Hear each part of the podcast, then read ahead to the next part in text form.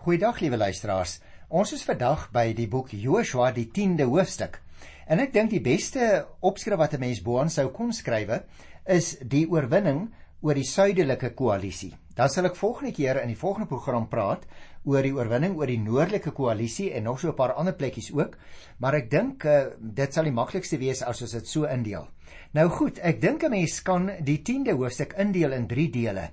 Uh dit is eers die eerste 15 verse en dan vers 16 tot 27 en dan vers 28 tot 43. Maar ek sal dit weer sê soos wat ons daarby kom. Laat ek net 'n paar algemene inleidende opmerkings maak oor die hele inhoud van hoofstuk 10. Ek wil weer begin met 'n vraag. Kan iets wat vir jou 'n bedreiging was op die ou einde vir jou juis jou redding wees? 'n Interessante vraag, né? Want jy sien, liewe luisteraar, God kan maak dat dit so gebeur. Iemand het eendag gesê dat jou en my verleentheid dikwels God se geleentheid in ons lewens kan word. Jy sien, God kan jou en my negatiewe situasies gebruik om sy doel in ons lewens tog wel te bereik. En dit is nou wat in hierdie 10de hoofstuk van die boek Joshua gaan gebeur. Want jy moet onthou die Gibeoniete het Israel in die vorige hoofstuk wat ek laas keer behandel het mislei en hulle op 'n slinkse manier ooreed met 'n vredesverdrag met hulle gesluit. Nou as gevolg van hierdie verdrag het vyf stede in die suide van die land 'n alliansie begin vorm om Gibeon te gaan straf en dit teen die stad opgeruk.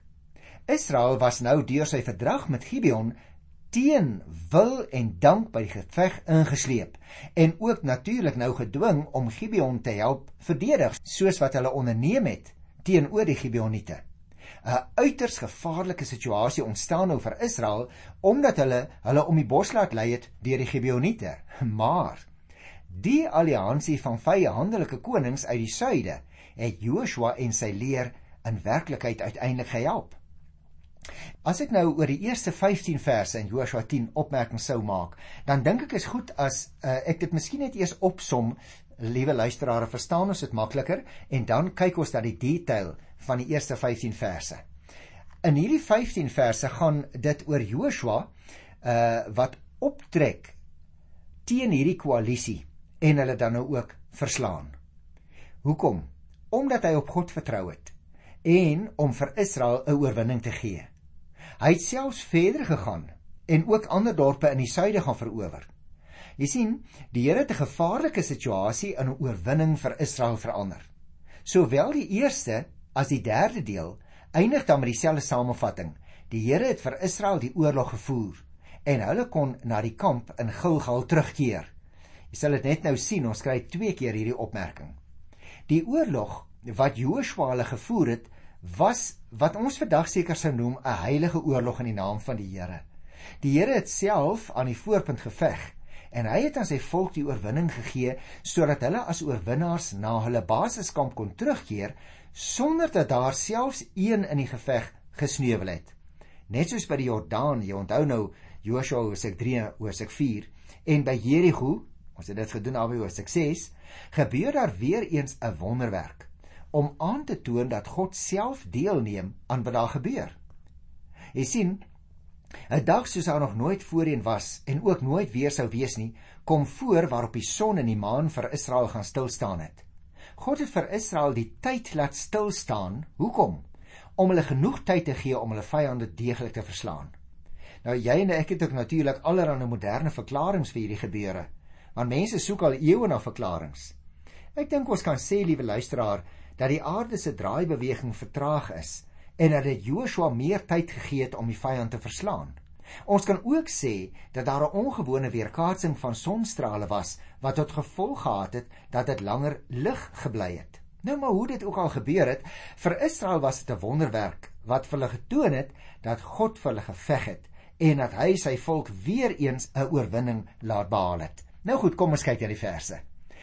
Hosea 10 by die eerste vers staan daar: Koning Adonai-Sedek van Jerusalem het gehoor dat Joshua Ai ingeneem het en dit heeltemal vernietig het.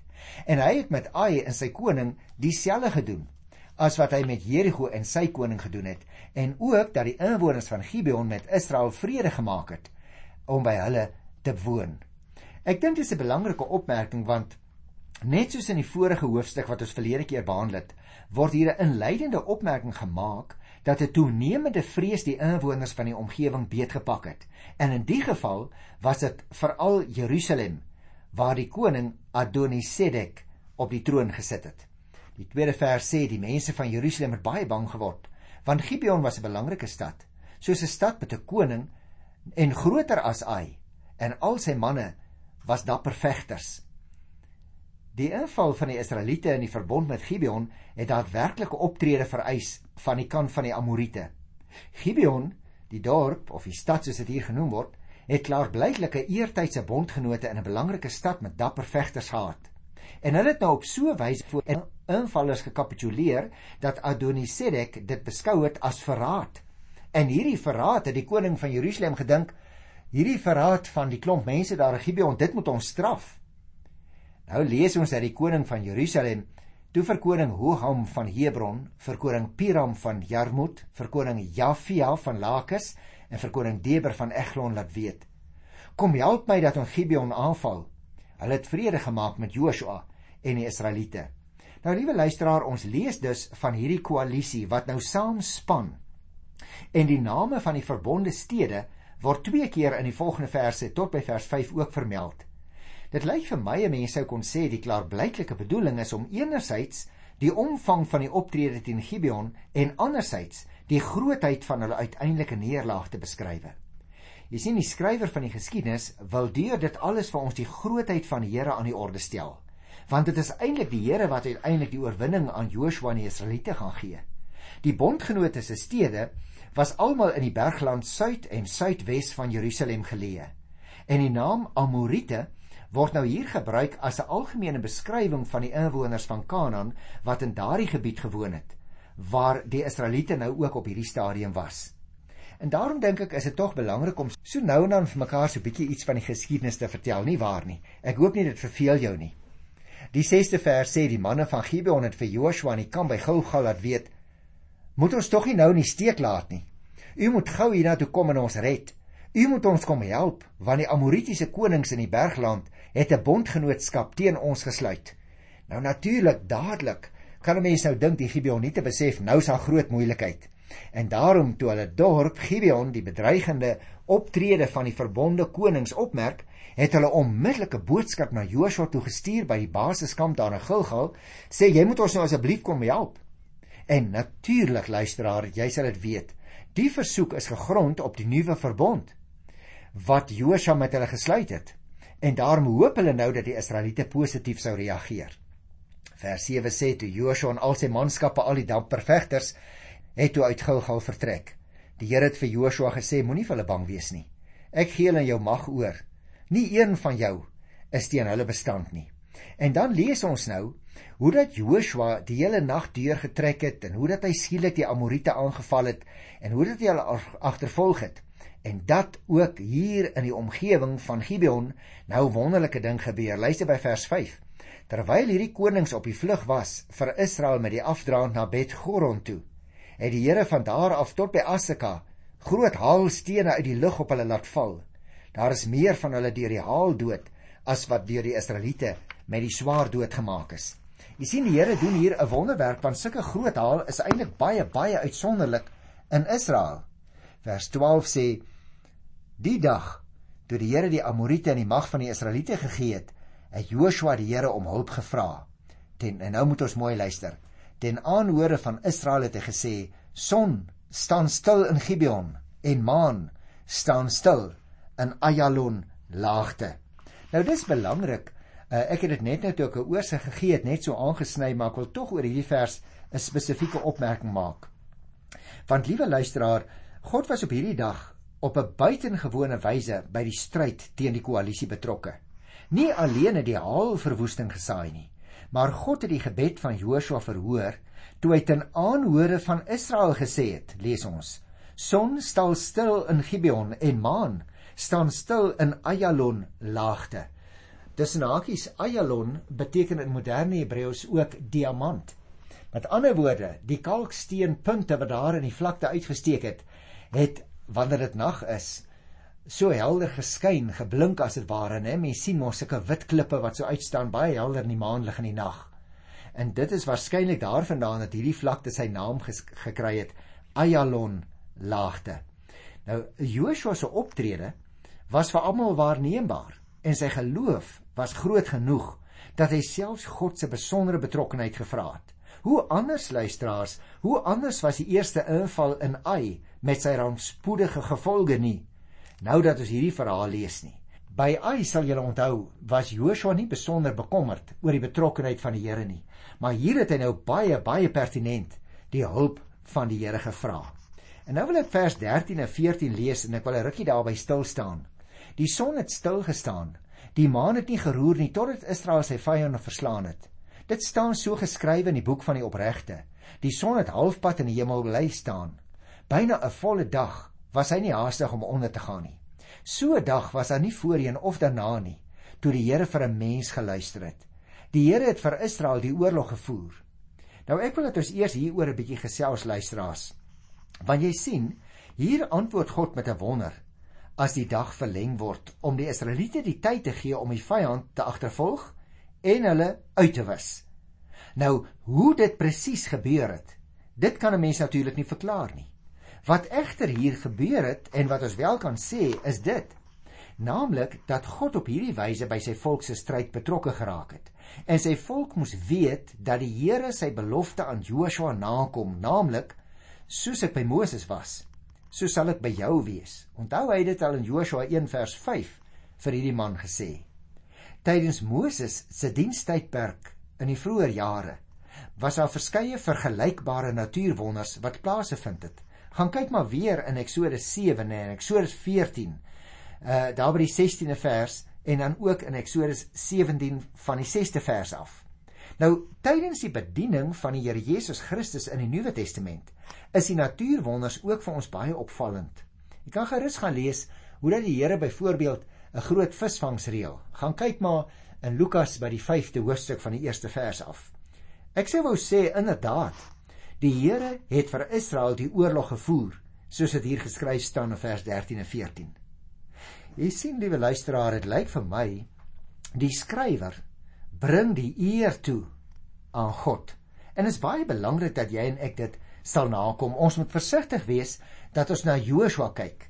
Ons moet versigtig wees na die wonderwerk wat plaasgevind het en al ons aandag daaraan spandeer. Nee, ons oog moet liewer vol wees van die Here wat hierdie wonderwerk gedoen het op om op 'n besondere manier in te gryp op daardie dag. Daarom lyk dit vir my wat die skrywer die eer aan God laat toekom, want dit is mos hy wat die oorwinning aan hierdie mense gegee het. Die Ayalon laagte wil ek ook miskien nog net byvoeg was vanaf Gibeon weswaarts, met ander woorde in die rigting van die Middellandse See. En daarom sê jy verstaan, dit was van groot strategiese waarde, veral wanneer leers teen mekaar optrek dat hulle op hierdie gelykvlakte mekaar sou probeer teenstaan. Die bewoners van die kusstreek, moet ons ook nie vergeet nie, het daarmee toegang tot in die hart van die bergland wat Israel hier besit wou neem gehad en daarom was dit belangrik dat dit beveilig sou word deur Israel se besetting daarvan. Nog 'n interessante opmerking uit hierdie vers 13 en 14 is die wat ons kry in verband met die boek van die opregte wat hier genoem word waarin dan so word gesê die verhaal van die stilstand van die son en die maan opgeteken is. En dieselfde boek word ook vermeld in 2 Samuel 1 by die 18de vers. Nou dit is natuurlik die boek waarin die groot gebeurtenisse in die geskiedenis van die Israeliete opgeteken is. Luister na vers 15. Daarna is Joshua en die hele land saam met hom terug na die kamp toe in Gilgal. Nou die vermelding van Joshua se terugkeer na die kamp in Gilgal is duidelik vir my 'n aanduiding luisteraars dat dit 'n aanhaling uit hierdie betrokke boek is en dit verwys dus na sy terugkeer na die voltooiing van die veldtog wat nog voortgegaan het tot aan die einde van die hoofstuk. En dit bring my dan, jy sal onthou ek het vir jou gesê hoofstuk 10 kan ons in 3 dele indeel. 1 vers 15 was die eerste een wat ons nou behandel het en nou 'n korter gedeelte vers 6 tot 27. Kom ek vertel ook eers vir jou net die breë oorsig daarvan want dit gaan hier oor die getuienis van die klippe voor die grot. Selfs met die konings wat die alliansie teen Gibeon gevorm het, word op onverbiddelike manier gewerk. Hulle word soos die konings van Jerigo en Ai opgehang aan bome. Hulle liggame word in die grot van Makeda gegooi, gaan ons lees, en die grot se bek word dan met groot klippe toegestop. Dit is nog 'n monument van klippe, let jy dit op, soos die een by Gilgal daar langs Jordaan. En dit word nou opgerig om te getuig van God en wat hy alles vir sy volk gedoen het. Hy is die God luisteraars. Ja, hy is die God wat vir sy mense paaie oopmaak waar daar geen moontlikheid was om vorentoe te gaan nie. Hy is die Here wat doodsgevaar vir sy mense in oorwinning omskep en voor hulle 'n land leegmaak om daarin te gaan woon. Ek en jy, ja, ek en jy kan met hierdie God die pad van ons lewe aandurf elke dag. Kom ons kyk nou so 'n bietjie meer na die detail Eh, hier van vers 16 tot 27, maar ek gaan nie alles met jou behandel nie. Vers 16: Die vyf konings het toegevlug en in 'n grot van Makeda gaan wegkruip. Joshua het berig gekry dat hulle ontdek is waar hulle weggekruip het en hy het beveel: "Rol groot klippe in die bek van die grot en sit daar manne om hulle op te pas." Jy sien hierdie ouens word as dit ware lewendig begrawe. Nou vir jou vir my mag dit baie erg klink, Maar dit was maar destyds van die lewenstyl van mense. Maar let nou hier op van vers 19 af. Maar julle moenie daar bly staan nie. Agtervolg julle vyande en val hulle van agter af aan. Moenie dat hulle by julle stede kom nie. Die Here julle God gee hulle in julle mag. Toe Joshua en die Israeliete klaar was met die groot slagting onder die vyande, is al die manskappe behoue terug na die kamp toe, na Joshua toe in Makeda. Die vyand is tot die laaste man toe doodgemaak. Afgesien van die paar wat ontkom het in die vestingstede gehaal het. Niemand het dit gewaag om iets teen Israel te sê nie. Nou in hierdie versies wat ons gelees het 19 tot 21 is die ding wat uitstaan vir my dit. Op bevel van Joshua is die vlugtende vyand intussen na hulle onderskeie stede toe agterna gesit om hulle natuurlik te probeer afsny sodat hulle nie in hulle stede kon ingaan nie. Nou word dit ook vir my duidelik as ek die verse lees dat daar tog enkeles is wat wel ontkom het en die vestingstede bereik het. Kom ons lees vers 22 tot 24. Joshua het gesê: "Maak oop die grot se bek, bring die vyf konings uit die grot uit na my toe." Hulle het dit gedoen. Hulle het die vyf konings uit die grot na Joshua toe gebring, die konings van Jerusalem, Hebron, Jarmut, Lakis en Eglon. Jy merk dis op, liewe luisteraars, Aanvanklik het dit gelyk hulle is lewendig begrawe, maar nou laat Joshua hulle uitbring uit die grot. En nadat hulle die konings na Joshua toe gebring het, sê vers 24, roep hy al die Israeliete en sê vir die offisiere wat met hom saamgegaan het: "Kom hier, sit julle voete op die konings se nekke."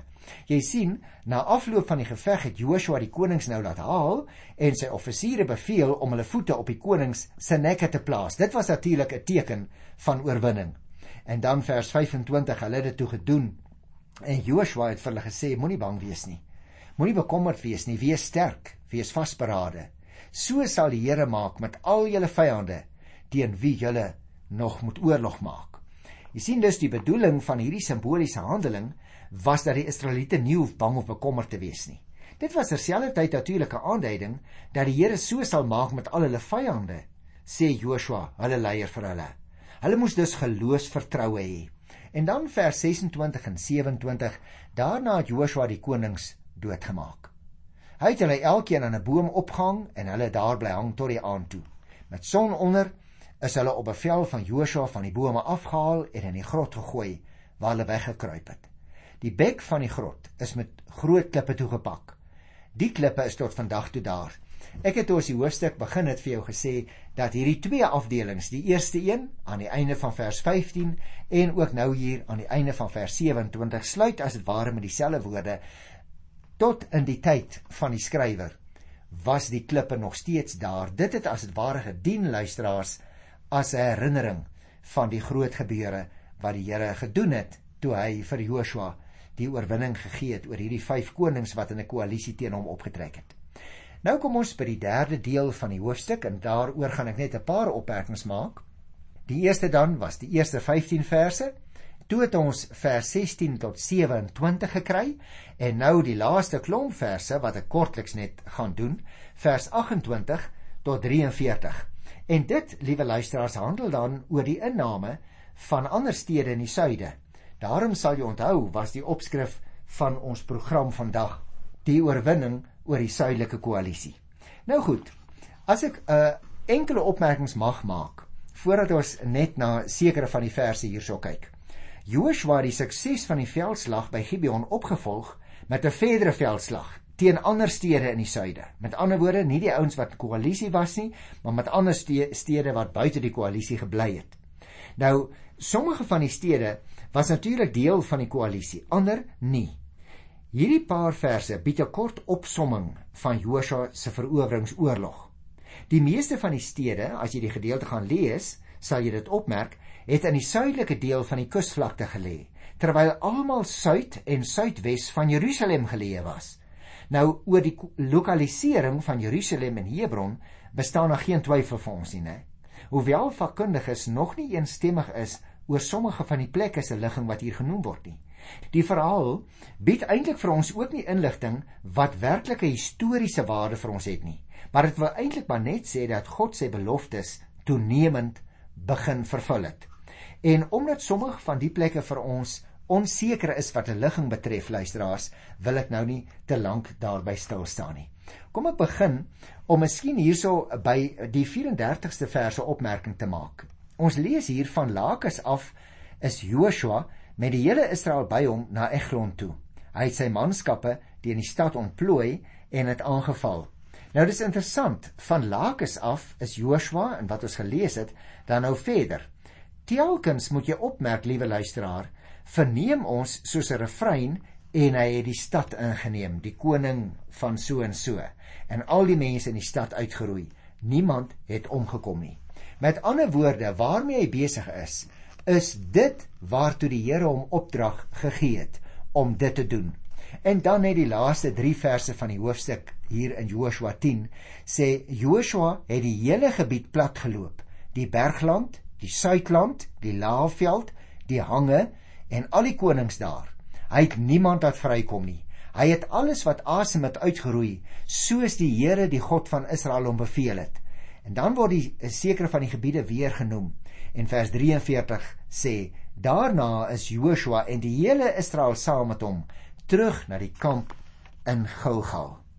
Jy sien liewe luisteraars, die gebied wat in die gebied wat hier genoem word, naamlik die Suidland en die Laagveld en die Hange, uh, daarmee word natuurlik bedoel die hele gebied vanaf Gibeon wes en ook suidwaarts.